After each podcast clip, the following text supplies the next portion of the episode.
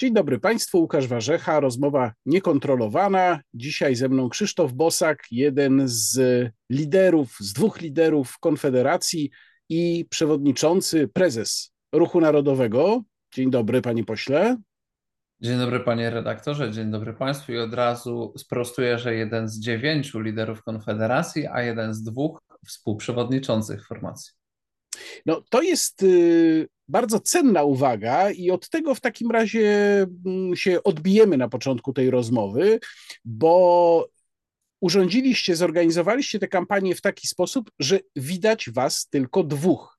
I nawet jeżeli ktoś nie jest y, jakoś specjalnie głęboko zaangażowany w politykę albo nie ma jakiejś głębszej wiedzy na temat Konfederacji, to będzie zadawał sobie pytanie: no dobrze, ale ich było przynajmniej trzech, bo jeszcze Grzegorz Braun, a tymczasem tylko oni dwaj cały czas występują.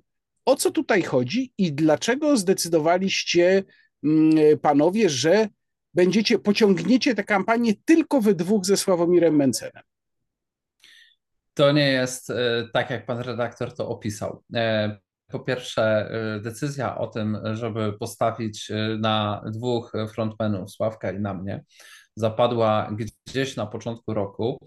E, I e, tu chodzi o osoby, które są najbardziej eksponowane i które wyrażają jakiś kierunek czy jakąś linię, którą chcemy iść. Czyli przywództwo oparte ludzi ze średniego pokolenia, liderów, e, czy w tamtym momencie, kiedy zapadała ta decyzja, to byli najbardziej medialni liderzy dwóch formacji. No natomiast ten nasz model organizacji w kampanii bynajmniej wbrew temu, co mówią niektórzy komentatorzy, czy nawet sam pan redaktor, jak w ostatnich dniach widziałem, nie zakłada e, i nie realizuje żadnego modelu schowania Grzegorza Brauna. Grzegorz Braun w kampanii wyborczej jak najbardziej funkcjonuje, ma e, zaszczytne miejsce lidera listy rzeszowskiej. E, występował na naszej konwencji programowej ze swoim przemówieniem, które nie wiem, czy nie przybiło się najbardziej z całej konwencji. Na bieżąco ma wolną rękę w zakresie organizowania konferencji prasowych. E, problem z Grzegorzem Braunem jest taki, e, jeżeli można mówić o przebiciu medialnym, że ze względu na radykalizm niektórych ocen czy postaw, nie jest zapraszany przez dziennikarzy, co zresztą sam dziennikarzom wytykam. Dla przykładu, kilka dni temu mm, próbowali mnie egzaminować e, z kwestii schowania Grzegorza Brauna, dziennikarza Radia Z i Wirtualnej Polski E, których zapytałem, dlaczego to oni schowali Grzegorza Brauna, skoro przez tę kadencję zaprosili go dokładnie zero razy. E, Konfederacja nikomu e, ust nie zamykała i zamykać nie będzie. Natomiast Konfederacja jest formacją, która ma prawo prezentować wyborcom jakąś konkretną, czytelną, mniej lub bardziej strategię wyborczą. I ta strategia wyborcza nie polega na eksponowaniu jakiegoś typu radykalizmu, tylko na próbie pozyskania nowych wyborców, którzy dotychczas Konfederacji z różnych powodów się bali. Wzrost A no właśnie, ale, czy, ale czy, ta, czy ta strategia trochę się nie odbiła wam jednak czkawką? No bo y, pierwsze i oczywiste pytanie, które zadaję jako drugie, y, jest o przyczyny spadku, jednak wyraźnego. On rzeczywiście no, nie jest do poziomów takich, jakie Konfederacja, i tutaj Sławomir Mencen słusznie o tym mówił na ostatniej konwencji, jakie Konfederacja notowała, no powiedzmy, dwa lata temu czy trzy lata temu, no ale jednak jest to spadek, jakby spojrzeć na średnią, raczej poniżej 10%. Wcześniej sięgaliście nawet 14%. Takie były notowania powiedzmy w lipcu. Czyli coś się jednak wydarzyło. Czy analizujecie, co się wydarzyło? Ależ oczywiście, że analizujemy i o tym dyskutujemy wewnętrznie. Moim zdaniem brakuje nam wokół Konfederacji takiego zdrowego sektora opiniotwórczego, który wyszedłby poza formułowanie diagnoz wynikających z naszych y, y, sympatii i wszedłby trochę właśnie w dane socjologiczne, które są analizowane też w sztabach wszystkich partii. Po pierwsze, liczy się średnia sondażowa, a więc chyba średniej sondażowej na poziomie 14 punktów procentowych to nigdy nie mieliśmy. W sumie nie pamiętam, jaka była ta szczytowa średnia sondażowa. E, ona, nie wiem, może była na poziomie 12-13%. E, Powiedziałbym, I że chyba około 12%, tak mniej więcej. Ona, e, ona ukształtowała się właśnie w momencie, kiedy wdrożyliśmy model tego, nazwijmy to, dwuosobowego, tandemowego przywództwa ze Sławomirem Mencenem. po mniej więcej pół roku pracy w tym modelu.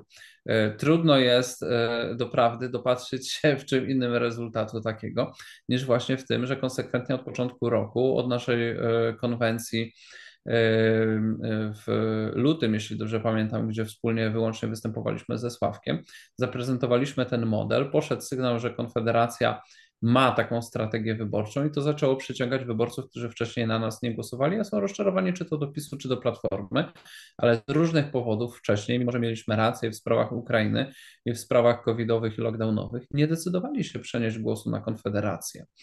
E, natomiast faktycznie nastąpiła pewna korekta i teraz jest kwestia interpretacji, gdzie ta korekta nastąpiła. Wedle mojej wiedzy ona w tej chwili nastąpiła do poziomu mniej więcej średniej sondażowej 11 punktów procentowych, być może 10,5. Nie jestem bez przerwy z głową w sondażach, bo chodzę z debaty na debatę i z wywiadu na wywiad. Chodzę nie dlatego, że zostałem wyznaczony przez władze partii, tylko po prostu dlatego, że media mnie zapraszają wszędzie, gdzie mogę. Rekomenduję też innych liderów i dzielę się zaproszeniami, tak jak e, mogę i e, dziennikarze, którzy mają jakieś ale do innych liderów, mówię, zaproście ich, porozmawiajcie z nimi. To samo mogę powiedzieć do pana redaktora. Proszę zaprosić Grzegorza Brauna i z nim rozmawiać, nie tylko, e, nie tylko komentować. Natomiast w mojej ocenie, to znaczy, jeżeli z czegoś wynika ta lekka korekta, to ona wynika z zupełnie innej rzeczy niż niedostateczna obecność e, Grzegorza Brauna. E, według badań socjologicznych, którymi dysponują inne sztaby, wynika, że ci, którzy w tej chwili E, zawahali się. To są umiarkowani, wahający się wyborcy w wieku średnim, e, którzy przeszli z grupy e, niezdecydowanych do grupy głosujących na Konfederację najpierw, a teraz z grupy głosujących na Konfederację znów do niezdecydowanych. Są to nowi wyborcy. Ale, ale dlaczego? Wcześniej... Dlaczego tak się stało? Bo, bo to jest zasadnicze a, pytanie i, już, i zastanawiam już, się, czy, no właśnie, czy, czy je sobie zadajecie. Już odpowiadam, y, nie, nie, ma konsensusu i nie będzie w tej sprawie konsensusu, bo to są delikatne i poniekąd nieuchwytne e, sprawy, ale przedstawię swoją teorię. Moja teoria jest taka, że przeciwnicy zaadaptowali się do naszej strategii i wdrożyli efektywne modele kontrdziałania. Te efektywne modele kontrdziałania polegają na wydobyciu po pierwsze na otwartym atakowaniu Konfederacji i naszego e, modelu przywództwa. Znaczy do pewnego momentu oni nas ignorowali, a gdzieś koło wakacji w e, szczycie naszych wzrostów sondażowych pojawiły się otwarte ataki i w ustach Kaczyńskiego i Tuska i wszystkich ich naśladowców, których jest cały legion w obu tych partiach, otwarte ataki na Konfederację. Oni stwierdzili, że głównie strategią ignorowania nas nie zatrzymają na określonym poziomie poparcia poniżej 10%, to przestało działać, zamilczanie i przeszli do otwartego atakowania. E, ataki pojawiły się zarówno w TVN, jak i w TVP Gazecie Polskiej, w ustach naczelnika i w ustach e, e, lidera centrolewicowej opozycji, czyli Tuska. Ataki ze strony szczególnie tej liberalno-centrolewicowej poszły po linii prezentowania nas jako radykałów światopoglądowych i straszenia umiarkowanych nowych wyborców, że jesteśmy po prostu grupą fanatyków, radykałów, e, kato-talibów. Niektórzy nawet używali określenia faszystów, przecież rzecznik Platformy Grabiec to używa i przypominania bardzo upartego e, tak zwanej e, piątki Mencena, czy, czy 300 ustaw Sławka Mencena sprzed kilku lat, wyciągania z nich wyłącznie projektów światopoglądowych, pomijania całkowicie projektów gospodarczych i portretowania przede wszystkim Sławka, ale także mnie, w taki sposób, jak wcześniej portretowano e, Grzegorza Brauna, czyli po prostu jako radykałów, nie jako ludzi rozsądnych, umiarkowanych, mających dobre pomysły na gospodarkę, dobre pomysły na państwo, tylko mówienie, popatrzcie, oni kuszą was niskimi podatkami, ale zobaczcie, co oni tam mają. I to w mojej ocenie doprowadziło do realnego zawahania się wielu wyborców, którzy chcą prorynkowego programu gospodarczego, chcą ukrócenia złodziejstwa, arogancji PiSu, nie mają zaufania do Platformy, ale też zawahali się, czy Konfederacja jest rzeczywiście dobrą opcją, no bo słuchają tych wszystkich rzeczy, oglądają te wyrwane z kontekstu stare różne wypowiedzi i myślą sobie, kurczę, no nie wiem, czy ta Konfederacja jest rzeczywiście dobra, to zadziałało. Rozumiem, że chcecie, chcecie to skontrować takim, takim, takim obrazem bardziej umiarkowanej formacji. Drugi czynnik, jeżeli mogę. Drugi czynnik, który się zbiegł z tą strategią naszych przeciwników e, i niejako ją jeszcze wzmocnił, E, to jest nieuchronna konsekwencja rejestracji naszych list, to znaczy odsłonięcie wszystkich naszich kandydatów do Sejmu i Senatu, które oczywiście natychmiast sztaby konkurencji zaczęły przeczesywać w poszukiwaniu wszelkich osób mających jakiekolwiek kontrowersyjne wypowiedzi, co pozwoliło im kontrować naszą nieco bardziej umiarkowaną strategię skierowaną do nieco bardziej umiarkowanego wyborcy, który na Konfederację jeszcze nie głosował, ale mógłby i powinien, bo mamy korzystny dla niego program. No i znaleźli o, o, tych o kształcie list, tak, znaleźli o kształcie list, o kształcie list jeszcze, jeszcze porozmawiamy, ale ja się chciałem zatrzymać na tej mm, waszej nowej strategii, nowej, no, mm, która jak rozumiem jest w dużej mierze reakcją na te na tę politykę konkurencji, o której Pan mówił, czyli prezentowanie Was jako radykałów, postanowiliście w związku z tym mocno wygładzić swój przekaz, zaakcentować to, że jesteście rozsądni, ale są też tacy komentatorzy, którzy uważają, że właśnie to Wam zaszkodziło. I zastanawiam się, czy, czy nie uwzględnia Pan takiej możliwości, że Konfederacja z jednej strony no, próbuje zjednać sobie tych bardziej umiarkowanych, ale jest jakaś grupa jej dawnych, starych, takich twardych zwolenników, którzy uważają, że po prostu no, zmiękliście, że już nie warto na was głosować. Być może w ogóle nie pójdą głosować, może szukają kogoś innego. Tutaj poniekąd symboliczna była ta afera wokół, y, w cudzysłowie, jedzenia psów. Ja oczywiście nie chcę się nad tym zastanawiać, bo sprawa jest kompletnie z punktu widzenia no, znaczenia dla, dla, dla państwa polskiego marginalna ale w tym sensie jest ale to dla ciekawe. wyborczej jest znacząca. No więc właśnie, bo, y, bo, bo były takie osoby, które argumentowały, że właśnie w tę stronę Konfederacja powinna pójść, to znaczy powinna się trzymać takich kontrowersyjnych tematów i uzasadniać, dlaczego na przykład ten zakaz jedzenia psów jest niesłuszny. Czy, czy, czy no, taki scenariusz, albo że tak, taką diagnozę pan uwzględnia? Wśród nich redaktor naczelny najwyższego czasu Tomek Zomer, tak, widziałem te, te głosy. No, dla mnie to jest jednak jakieś, yy, jakaś głęboka pomyłka w diagnozie i w odczytaniu rzeczywistości społecznej, w której żyjemy. To znaczy, moim zdaniem e, wejście w tego typu spory e, w momencie mm, szansy na bycie trzecią siłą polityczną w kraju, powstrzymania różnych negatywnych tendencji i pozyskania wyborców, którzy nie głosowali wcześniej na formacje, które stworzyły e, Konfederację, jest jakąś kompletną automarginalizacją i receptą na zrobienie z siebie szurów.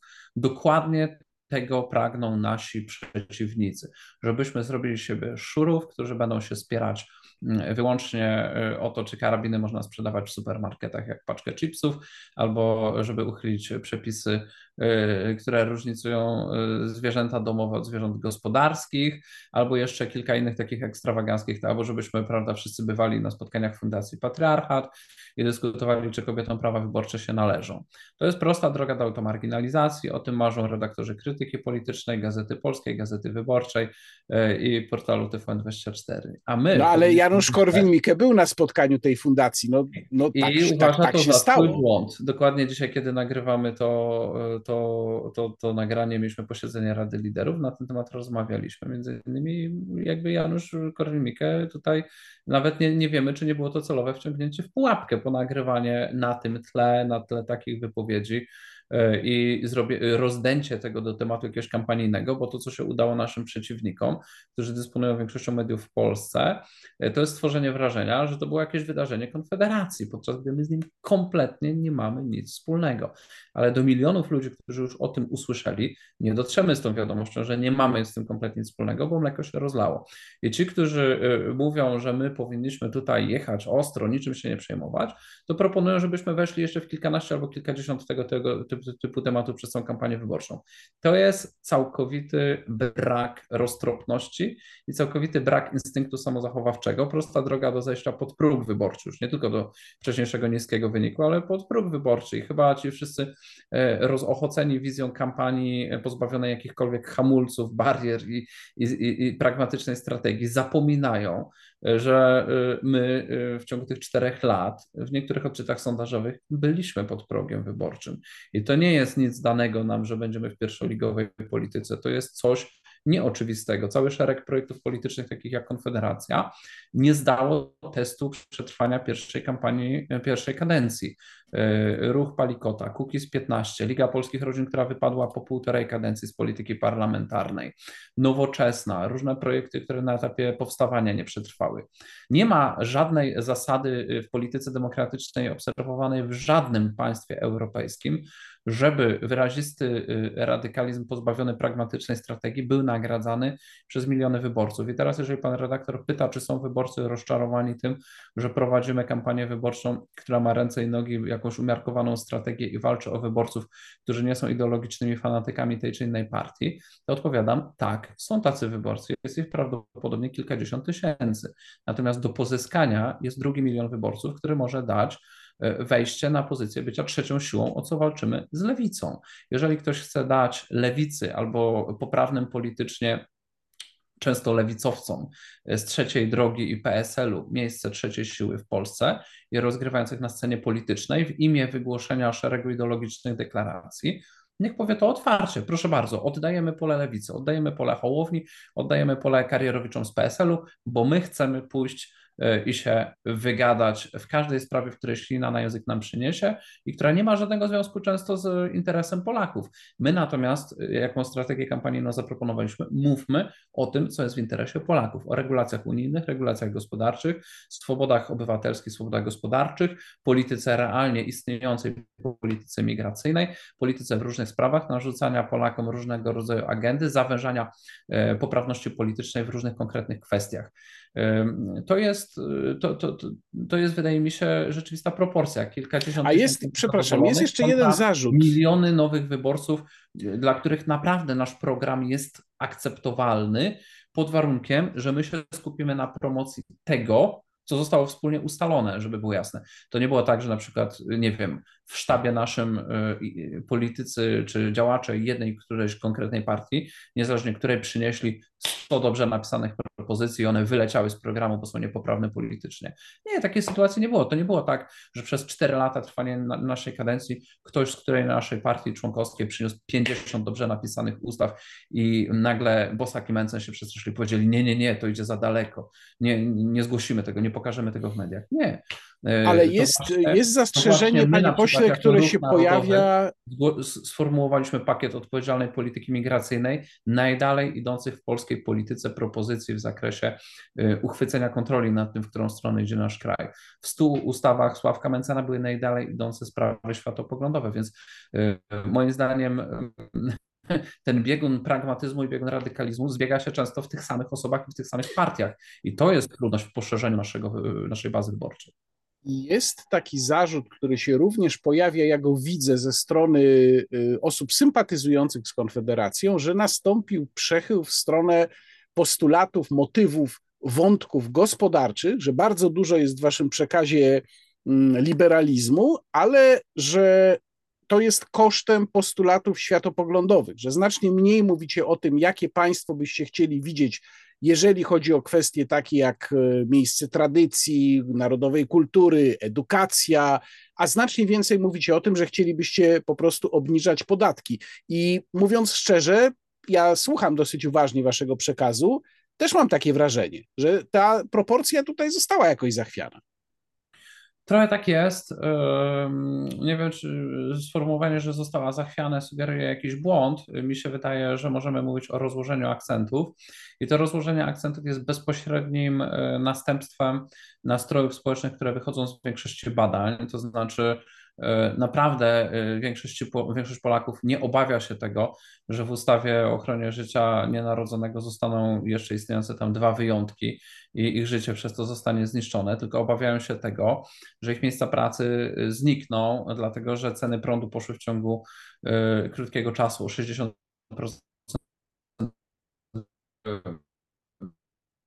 roku na rok rośnie o 17% i będą musieli zlikwidować kolejne konkretne miejsca pracy, dlatego że po prostu są nierentowne e, w konkretnych miejscach, gdzie istnieją ich warsztaty usługowe czy e, punkty handlowe. To jest to, czego Polacy się boją po lockdownach, czego Polacy się boją po eksperymentach typu Antypolski Ład e, i to, czego ja sam i my w Konfederacji się boimy, z przerażeniem patrząc na to, jakie regulacje gospodarcze, na przykład w zakresie polityki mieszkaniowej, budynkowej, energetycznej przychodzą do realizacji z Unii Europejskiej i są ukrywane solidarnie przez PiS, Platformę, Lewicę, PSL. Tak, mówimy o tym, bo widzimy w tym największe wyzwanie. Jeżeli damy zniszczyć sobie podstawy życia gospodarczego naszego, indywidualnego, nas, nas jako obywateli, e, ludzi prowadzących działalność gospodarczą, naszych rodzin, naszego państwa, to nie będziemy mieli za co ani jak realizować też żadnych y, pomysłów kulturowych. Na kulturę, na kulturę wydaje się nadwyżkę. Pokrywa się koszty, pokrywa się rachunki, a następnie wydaje się na kulturę nadwyżkę. Niezależnie czy mówimy o skali całego państwa, czy mówimy o indywidualnym życiu y, w rodzinach konkretnych i gospodarstwach domowych. Więc trochę tak jest, a, a, a no po prostu przesyt pisowskiego socjalizmu i etatyzmu wywołuje reakcję obronną części społeczeństwa i Konfederacja jest częścią tej reakcji obronnej. Jedyną częścią, to znaczy wszyscy inni porzucili hasła e, e, prorynkowe, czy nazwijmy to mm, jakieś podmiotowości, podmiotowości obywatela w życiu społeczno-gospodarczym. My się tego trzymamy i to jest wpisane i Wetos Endecki, który postulował i polską przedsiębiorczość, polski handel, polską własność, polską klasę średnią, o czym mało kto pamięta, że to jest wpisane w ruch narodowy, jak i oczywiście to się głęboko mieści, jest bardzo mocno osadzone w etos konserwatywno-liberalny, e, odpowiedzialności, indywidualizmu w jakimś rozsądnym zakresie um, upodmiotowienia się gospodarczo w życiu społecznym.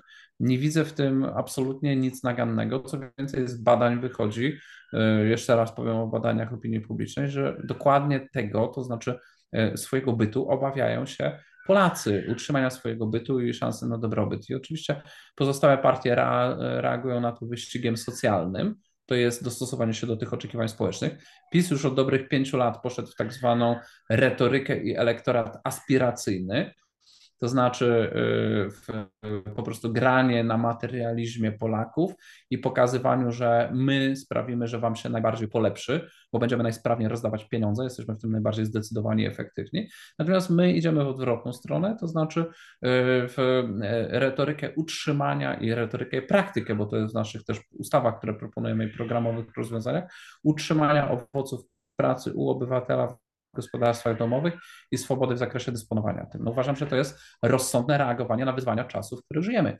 Natomiast y, gdyby, gdybyśmy zamiast etatystyczno-socjalistycznego rządu PiSu i fanatycznej w swoich przeregulowaniu gospodarczym Unii Europejskiej i popierającej to wszystko centrolewicowej i lewicowej opozycji mieli na przykład rząd, który jest, nie wiem, prorynkowy, ale fanatyczny ideologicznie, który wdraża całą progresywną agendę, to pewnie byśmy zajmowali się tylko walką z progresywną agendą, bo z gospodarką nie byłoby potrzeby, żeby się tym zajmować. No, reagujemy na wyzwania czasu i na to, co boli ludzi rzeczywiście.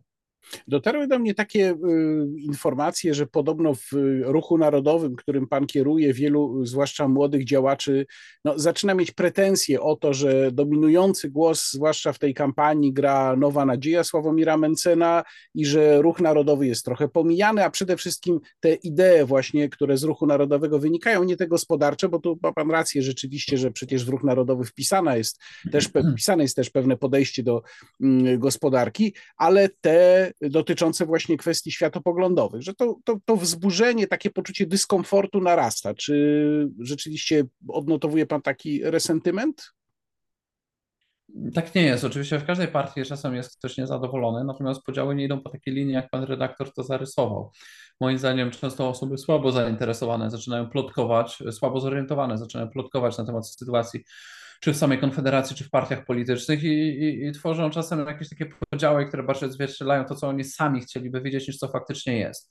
E, zacznijmy od tego, że e, program e, Ruchu Narodowego w sprawach, nazwijmy to szeroko światopoglądowo-kulturowych, jest mocno konserwatywny i w tej kwestii nic się nie zmieniło i wszyscy, którzy reprezentują w tej kampanii naszą partię, prezentują takie poglądy choćby nawet ze szkodą dla własnych, powiedziałbym, notowań, bo wiadomo, że wyborcy, nawet Konfederacji, nie mówiąc o nowych wyborcach, są mniej konserwatywni niż my sami jako liderzy Konfederacji czy liderzy ruchu narodowego. My to wiemy, my to wiemy od dawna, to jasno widać z badań i po prostu chcemy zachować wiarygodność, dlatego nie będziemy żadnych swoich poglądów się wyrzekać, e, no ale to, że nie wiem, Michał Wawer na przykład w TVN24 odniósł się do kwestii, nie wiem, aborcji z gwałtu, powiedział, że jest e, pro-life, prawda? To nie jest e, rzecz, którą można oskarżyć o centrum centryzm czy oportunizm. To samo zresztą zrobił, w, czy podczas konferencji prasowej, czy jakiegoś wywiadu Sławomir Mencen, więc można by powiedzieć, że w ogóle zarzuty o jakiś przesadny pragmatyzm w naszym kierunku są o tyle pomylone, że nie było jeszcze nigdy w polityce parlamentarnej, w głównym nurcie debaty polityków, którzy na przykład w kwestiach pro-life poszliby tak daleko. Moim zdaniem w tej kampanii poszły z naszej strony deklaracje dalej niż niż w debacie publicznej ze strony Marka Jurka, kiedy opuszczał PiS za to, że PiS nie chciał realizować postulatów pro-life. Więc w ogóle, szczerze powiedziawszy, takiej, takiej krytyki nie kupuję. Druga sprawa jest taka, że wcale nie wszyscy z naszych działaczy są tacy w tych kwestiach pryncypialni radykalni. Jak w każdej partii, y, stan członkowski i w Ruchu Narodowym, i w Nowej Nadziei, i w Koronie, co ciekawe, tak też również Grzegorza Brauna, rekrutuje się spośród różnych y, polskich patriotów, którzy są podzielani w poglądach nie tylko na gospodarkę, ale także na sprawy światopoglądowe. E, to nie jest tak, że jest jakiś beton monolit, prawda? Nie, nie, istnieje w ogóle możliwość sformowania we współczesnym świecie w XXI wieku partii, która byłaby monolitem światopoglądowym w jakiejkolwiek kwestii. Mm, więc y, no, natomiast to, co, co istnieje w Konfederacji, istnieją napięcia ambicjonalne, typu, że ktoś jest bardziej widoczny medialnie, że ktoś prowadzi większą kampanię wyborczą, tylko że kampania wyborcza w systemie parlamentarnym, gdzie mamy 41 okręgów do Sejmu, 100 okręgów do Senatu, setki, o, ile nie tysiące kandydatów, ma ten swój urok, że tak naprawdę każdy może pokazać, co potrafi. I my za dwa tygodnie będziemy znali wyniki wyborów i sobie w te wyniki będziemy mogli popatrzeć. Yy, widzimy z jednej strony na mm, koncie komitetu, kto przepala jakie pieniądze na kampanię wyborczą, a za chwilę zobaczymy, zobaczymy wyniki wyborcze, będziemy widzieli po prostu, y, kto jaką, y, jaki wynik potrafił zbudować. I to jest bardzo weryfikowalne. I życzyłbym sobie, żeby ci, którzy w tej chwili poświęcają dużo czasu na analizę wypowiedzi, jakichś swoich wyobrażeń o proporcji sił wewnątrz czy coś, poświęcili tyle czasu na analizę wyników wyborów i wyciągnięcie wniosków, kto skutecznie prowadził kampanię wyborczą, kto pozyskiwał wyborców i w jaki sposób, bo mamy okręgi wyborcze, w których mandaty poselskie wcale nie były oczywiste w 2019 roku i one zostały wzięte. Dobrym przykładem jest Krystian Kamiński, który z moich rodzinnych stron z województwa lubuskiego kandydował. Tam e, ten mandat był e, niespodzianką, podobnie jak e, prawie 20 lat wcześniej mój mandat najmłodszego posła był niespodzianką i on ten mandat wywalczył i wychodził. Z drugiej strony w okręgach, gdzie się niektórzy spodziewali mandatów, ich nie było. I podobnie może być moim zdaniem już za dwa tygodnie. To znaczy możemy mieć pewne mandaty poselskie wcale nieoczywiste, a tam, gdzie ktoś się spodziewał, uważa, że ma coś w kieszeni, może tego nie być. I to nie zależy od tego, kto ma jakie ambicje i kto uważa, że jest mniej czy bardziej eksponowany, to zależy często od pracy w terenie wśród ludzi, E, i umiejętności przyciągania do siebie wyborców, bo to, że ktoś głośno poszumi w mediach, to wcale nie musi dawać głosów wyborczych. Trzeba umieć ludzi jeszcze do siebie przekonać poza formułowaniem buńczucznych deklaracji.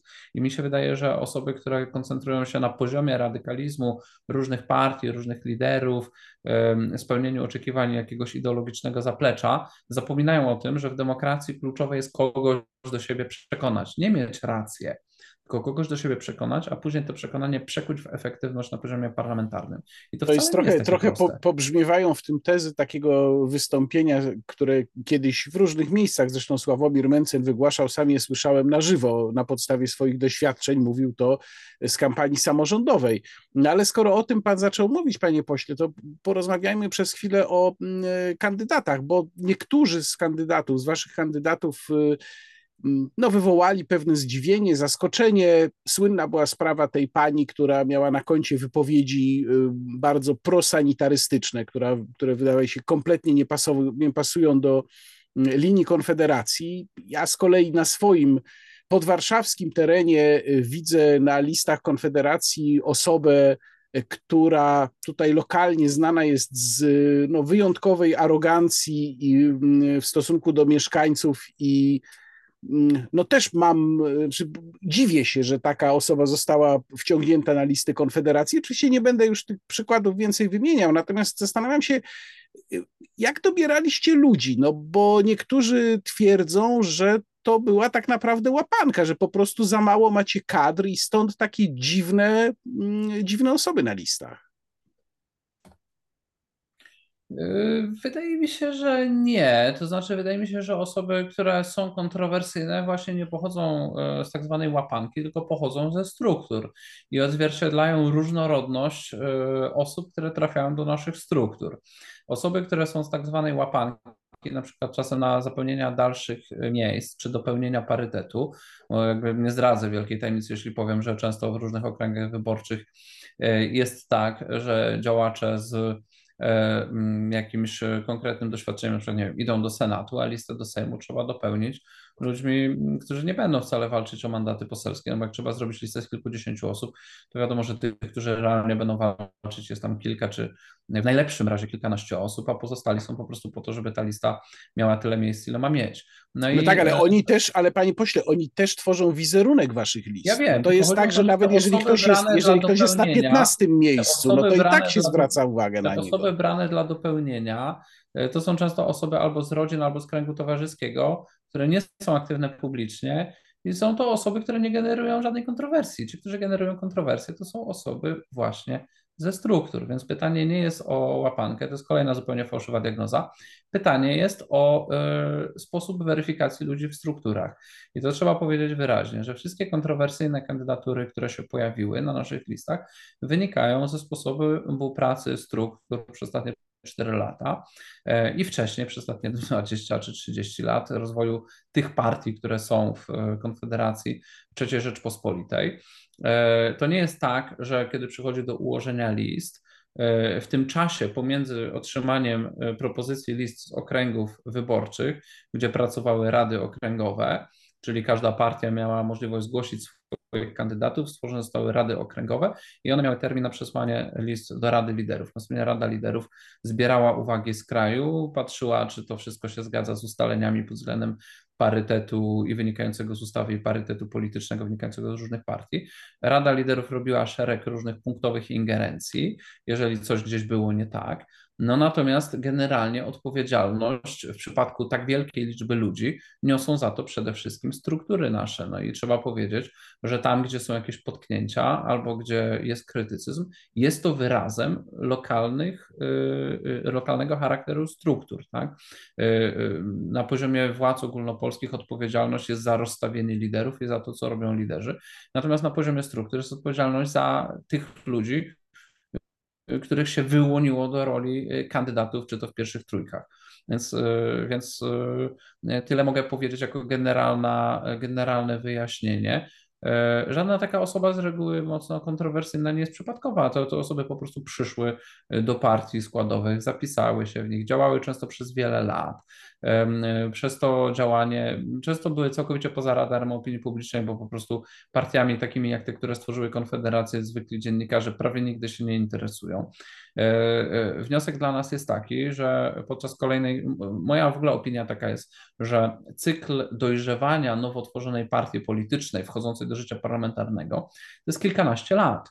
To jest kilkanaście lat e, testowania ludzi, kto się do tego nadaje, e, sprawdzania, co wypłynie. To tak naprawdę jest praca na żywym organizmie. To znaczy, to nie jest, nie jest możliwe przeprowadzenie e, badania, które pokaże, co wypłynie w kampanii wyborczej.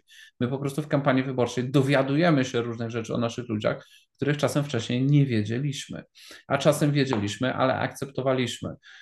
No tak, ale koszt tego, tego testu może być wysoki. Koszt tego testu może tak, być dla Was tak, wysoki. dokładnie jest. Dlatego, dlatego dojrzewanie żadnej partii politycznej i selekcja kadr nie odbywa się w jednym cyklu wyborczym, tylko mówię o kilkunastu latach. Musi się przemielić kilka cykli, żeby wyłonić sensowny skład liderów nie tylko na poziomie ogólnopolskim, ale także na poziomie regionalnym i kadrę zdolną do uprawiania polityki. No, to, to nie jest tak, że yy, ja to mówię podczas wszystkich spotkań, uważam, że trzeba o tym dyskutować otwarcie, otwartym tekstem.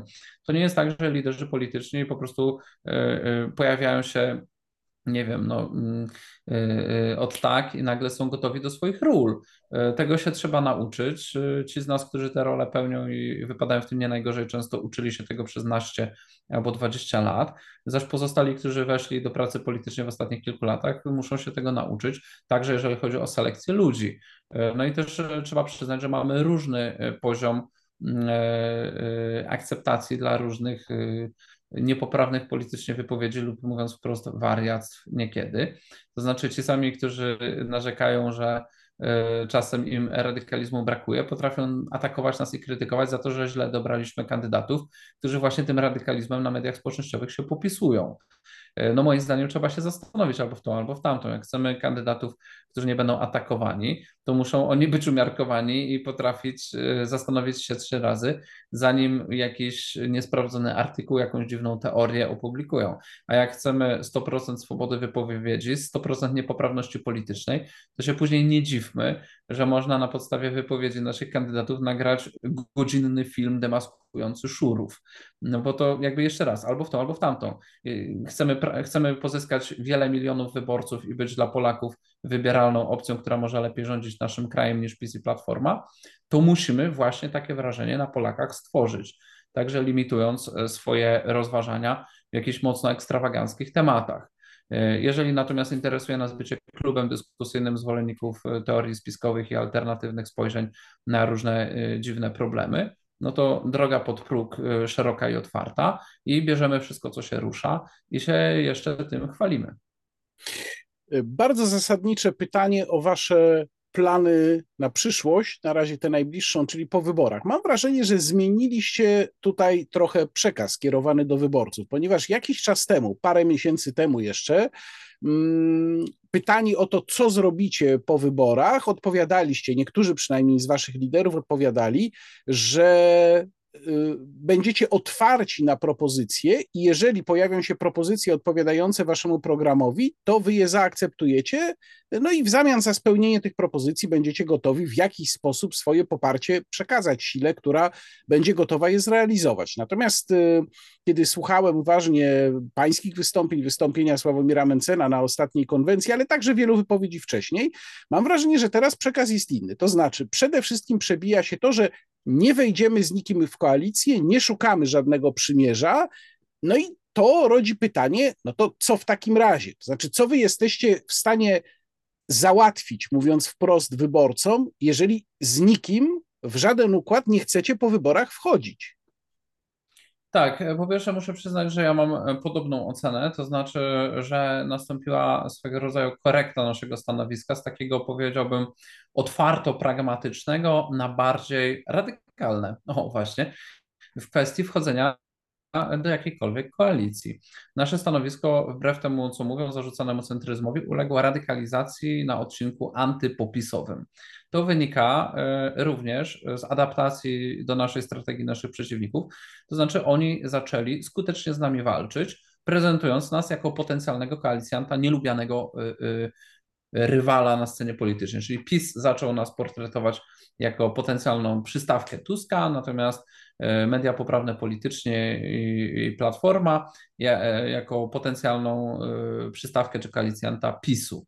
E, podczas gdy my z żadną z tych partii nie tylko nie chcemy do koalicji wchodzić i nigdy nie chcieliśmy, ale e, co więcej, widzimy swoją misję w zmianie polskiej polityki, tak żeby oni już nie mogli uprawiać tak, jak ją uprawiają. Do pewnego momentu również ja formułowałem, co zresztą jest mi przypomniane, takie dosyć pragmatyczne, rozsądkowe wypowiedzi na zasadzie zobaczymy po wyborach, będziemy rozmawiać, no bo to jest to, co robią politycy w demokracji. Natomiast okazało się, że to jakby jest zbyt mało jasne, e, dlatego że ta część, że my chcemy zwalczyć popis, zlikwidować różne patologie w polskiej polityce, zmienić sposób rządzenia, zrealizować swój program i rozmawiać normalnie po wyborach, że to nie dociera, dlatego że to wszystko, co mówiłem na początku, było kasowane, a wyrywane z kontekstu będziemy rozmawiać. A, czyli się dogadacie czyli zrobicie koalicję z PiSem.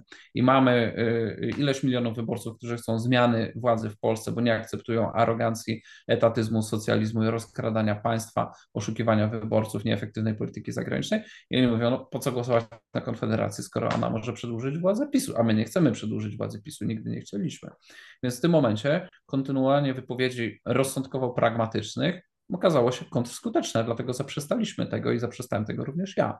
I nie będę y, robił y, wykładów z WOS-u w ramach wywiadów i tłumaczył, że parlament polega na tym, że tam się dyskutuje, prawda, i próbuje realizować swój program, bo wszyscy to albo wiedzą, albo nie chcą w ogóle tego słuchać, tylko artykułujemy strategię polegającą na tym, że nie przedłużymy władzy Kaczyńskiego, ani nie pozwolimy Tuskowi powrócić do władzy, ponieważ nasi wyborcy, i to wychodzi z badań, tego nie chcą, Polacy tego nie chcą i my adresujemy swoją ofertę, to jest najważniejsze, my adresujemy swoją ofertę polityczną właśnie do Polaków, którzy nie chcą dłużej przy władzy Kaczyńskiego, nie chcą powrotu do władzy Tuska. Te wybory no dobrze, ale co to, ale, ale panie pośle, co to pytanie, w praktyce oznacza? No, bo, bo, no, no, no to... właśnie, bo mówi pan, przewrócimy stolik, no, ale, to, ale to może oznaczać, że po wyborach zostaniecie po raz kolejny większą, owszem, dysponującą klubem, a nie kołem, owszem, ale siłą, która będzie sobie tam protestować i nie będzie miała wpływu na nic. Nie bójmy się tego słowa. Opozycją, tak. Z wielkim prawdopodobieństwem nasza strategia, o której w tej chwili mówimy, jeżeli nie wydarzy się coś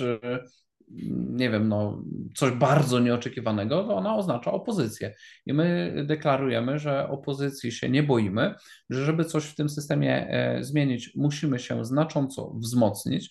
E, jeżeli by doszło do trudności ze sformowaniem rządu, Uważamy, że te partie bliskie sobie programowo w fundamentalnych kwestiach jak polityka unijna, Ukraina, COVID, y, gospodarka, etatyzm i tak dalej, zadłużanie, inflacja, czyli PiS, Platforma, Lewica, PSL, one tam z siebie pewnie jakiś rząd wyłonią, pokupują sobie, posprzedają sobie posłów, tak jak to robią w tej kadencji Sejmu. Widać, przetestowane jest eksperymentalnie, że to jest możliwe. Natomiast my w tym y, bagnie brać udziału nie chcemy. My chcemy y, wzmacniać opozycję wobec nich, którą my jedyną jesteśmy. Gdyby nie my, to szereg rzeczy, ten system byłby już domknięty. Mielibyśmy paszporty sanitarne, mielibyśmy regulamin Sejmu zmieniony bez głosowania ważnego, yy, mielibyśmy jeszcze więcej tego wszystkiego, co oni chcą robić. Więc jedyny sposób na to, żeby to zatrzymać, to jest blokować im robienie złych rzeczy. I my deklarujemy pryncypializm w blokowaniu zrobienia im złych rzeczy, pryncypializm w blokowaniu i powołaniu złego rządu, pryncypializm w blokowaniu głosowania za złymi ustawami, w blokowaniu tego i, i to będziemy robić. I to jest ścieżka wielu partii, e, które doszły do władzy. E, znaczy, moim zdaniem w ogóle błąd fundamentalny w analizie polega na tym, że wielu komentatorów sceny politycznej dziwi się, że można planować być w kadencji po to, żeby później dojść do władzy. Mówią, jak to wy nie chcecie po najbliższych wyborach do władzy? No, my chcemy dojść do władzy na swoich warunkach. Ta metafora wywrócenia stolika oznacza, że nie będziemy grać na warunkach naszych przeciwników, nie będziemy realizować ich programu i przedłużać ich układów, tylko chcemy dojść do rządzenia Polską i realizacji swojego programu na swoich warunkach. Wiele partii, jeżeli się przeanalizuje scenę europejską, wiele partii najpierw powstających jako partie tak zwane populistyczne, eurosceptyczne, narodowo-konserwatywne, wolnościowe, zaczynało od bycia w opozycji, nawet przez kilka kadencji, blokując różne rzeczy, ale też wzmacniając się po to, żeby wreszcie później realizować swój program. No a kontrprzykład oczywisty to jest na przykład Samoobrona i Liga Polskich Rodzin, o tym w swoich prezentacjach mówi Sławomir Mencen, jako przykład partii, które weszły do rządu, programu nie zrealizowały i zakończyły swój polityczny byt, a liderzy albo nie żyją, albo zmienili w ogóle agendę polityczną. To jest no dobrze, ale to, to, ja podam, to, to ja podam bardzo konkretny przykład. Droga.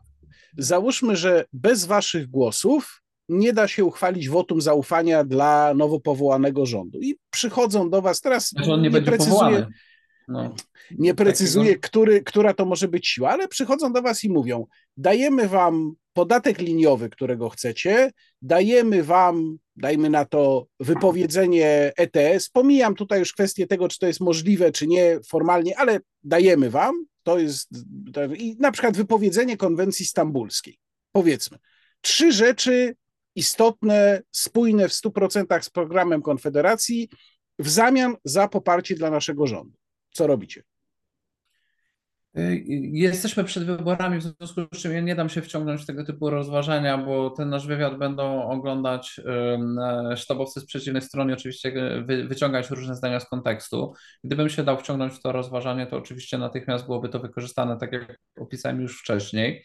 I tak y, być może y, ten mój wywiad jest tutaj nazbyt y, otwarty i analityczny, a za mało po prostu propagandowo-polityczny, to znaczy być może powinien więcej powtarzać hasła Konfederacji, a mniej wdawać się w analizę. W, tego, rozmowie, nieko- w rozmowie niekontrolowanej to nie przechodzi, panie pośle. Chyba, że pan redaktor zobowiąże się, że wyemituje tą, tę, tę naszą rozmowę po wyborach, ale pewnie nie. No raczej nie. Pewnie nie. Y, natomiast no, to, co mogę obiecać, y, to, y, to że mm, żadna decyzja nie zostanie podjęta ani pochopnie, ani naiwnie, ani bez spotkania władz Konfederacji. I tak pracują poważne partie polityczne. My jesteśmy poważną partią polityczną. Mamy Radę Liderów, wszystkie najważniejsze osoby tam są. Wiemy, że czekają na nas okres wstrząsów i przeciążeń politycznych po wyborach. Wiemy, że gra toczy się o wielką stawkę że ludzie, którzy uważają, że mają podzieloną i Polskę, i Polaków, i świat władzy, i świat wielkich pieniędzy, chcieliby, żeby to po prostu wszystko kręciło się tak jak dotychczas i wiemy, że my im stoimy na drodze i będziemy stali. E, to jest trudna sytuacja, powiedziałbym nawet ryzykowna dla nas, natomiast y, y, jakby robimy świadomie to, co robimy i mamy zamiar y, jeszcze raz to powiem, grać na swoich zasadach, wywrócić stolik, czyli grać na swoich zasadach, a nie dać się naciągnąć jakimiś tam obiecankami tanimi. Nie indaguję dalej w tej kwestii, bo pańskie stanowisko jest jasne. Rozumiem, że dalsze tutaj indagacje, tworzenie teoretycznych scenariuszy nie ma sensu, więc widzowie muszą przyjąć taką Naszą rolą jest ustosunkowywanie się do praktycznych, zaistniałych realiów, a nie snucie rozważań na temat teoretycznych scenariuszy. W ogóle bardzo, bardzo często jesteśmy przez dziennikarzy wciągani w snucie rozważań na temat teoretycznych scenariuszy, a rzadko jesteśmy pytani o to, co realnie w danym momencie się dzieje. To jest też taka. No ale, ale to ja muszę niestety, muszę niestety zadać jeszcze jedno takie pytanie, właśnie scenariuszowe. Ono dotyczy y, poniekąd tego, o czym już wcześniej rozmawialiśmy, czyli tego, kto jest na listach, ponieważ pojawia się również taka mm, czy obawa, wątpliwość. Ja tutaj mówię o tym, co się przewija wśród y, zwolenników Konfederacji lub osób, które rozważają głosowanie na waszą partię że jeżeli będzie brakowało, no najprawdopodobniej mówimy tutaj o Zjednoczonej Prawicy, załóżmy 20-25 posłów do większości, wy będziecie mieli powiedzmy 40-osobowy klub, załóżmy, no to, że uda się doprowadzić albo do rozłamu tego klubu, albo uda się z niego wyjąć na przykład z tych 40 osób 10 i taka obawa opiera się na założeniu, że wejdzie dużo nowych osób, bez doświadczenia, z dużymi ambicjami i te osoby łatwo będzie, no mówiąc językiem publicystycznym, skorumpować politycznie. Czy pan ma pewność, że wprowadzicie do parlamentu ludzi, którzy nie dadzą się skorumpować politycznie?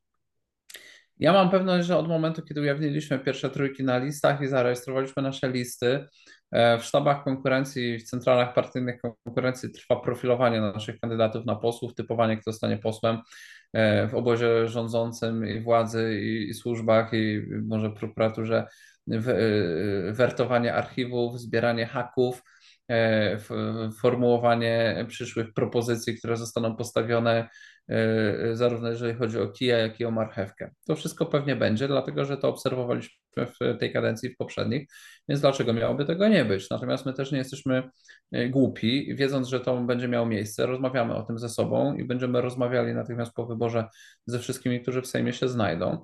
Oczywiście stuprocentowej pewności nigdy nie mamy, że wszyscy okażą się krystalicznie czyści, bez, bez, bez jakiejkolwiek zawahania. Natomiast e, stan naszych struktur, no wcześniej powiedziałem o tym, że często są tam ludzie, którzy mieli różne wypowiedzi drażniące dla niektórych, natomiast z drugiej strony ten ich charakter, e, ta e, specyfika naszych struktur w pewnym stopniu gwarantuje, w pewnym stopniu, nie mówię, że w 100%, bo jestem realistą, ale że jednak my wprowadzamy ludzi pryncypialnych, ludzi z charakterami, ludzi niesprzedajnych.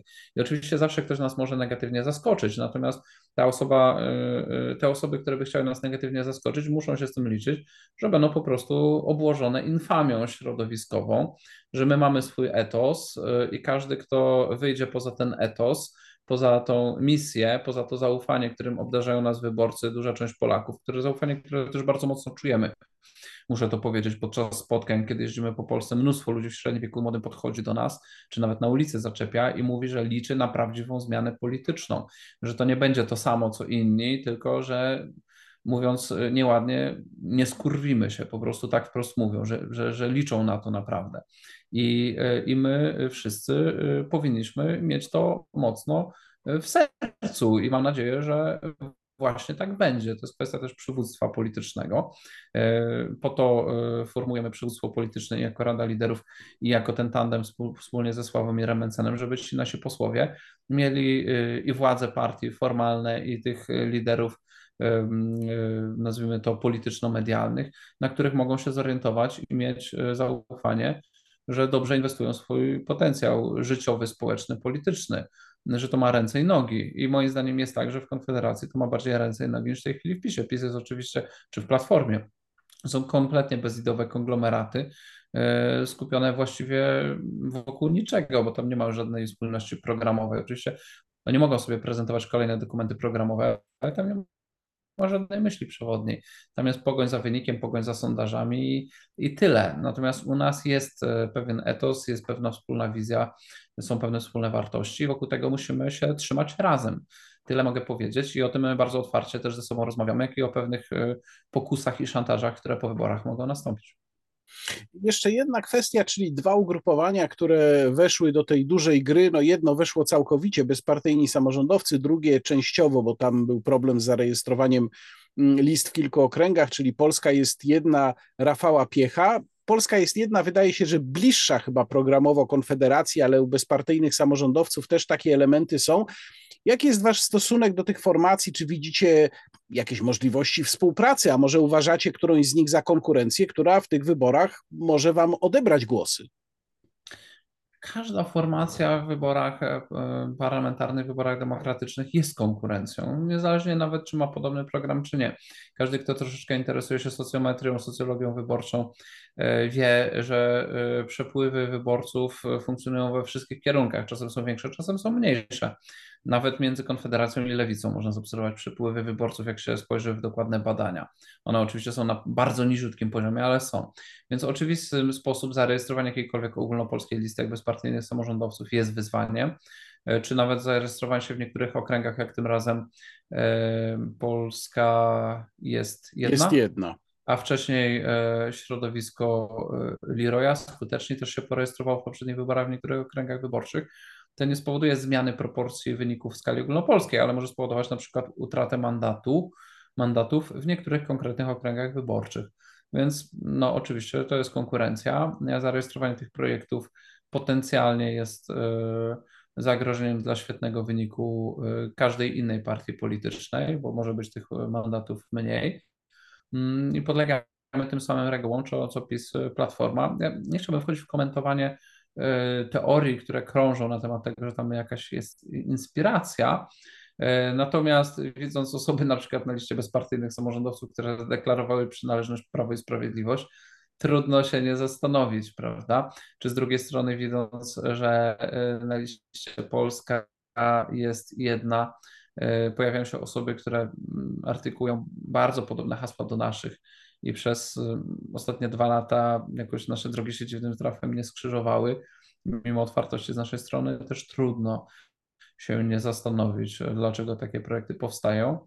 Ja mam trochę déjà z kampanii prezydenckiej, gdzie y, zostało wystawionych kilku podobnych kandydatów do, do mnie wówczas jako kandydata Konfederacji, którzy z naszych doświadczeń wynika, że nawet nie powinni się zarejestrować bo po prostu wyzwanie zebrania 100 tysięcy podpisów jest tak duże, że jak ktoś nie ma ogólnopolskich struktur partyjnych, to nie powinien tego progu przeskoczyć, a jednak się kilku udało. No i oczywiście do dziś będą krążyć legendy, nawet zdaje się, że w jednej książce, tam gdzieś jest informacja, że jakieś tam struktury komuś pomagały zbierać, podpisy, natomiast e, często są to takie teorie, że prawdy nigdy nie poznamy, pewnie znają wąska grupa osób, jak to tam było, więc ja nie chcę nikomu zarzucać, e, że jest projektem sztucznym, tym bardziej, że jest tak, że nawet jeżeli inicjatywa jest, nazwijmy to, no, gdzieś tam wymyślona, to później dołączają się ludzie, którzy mogą działać z serca.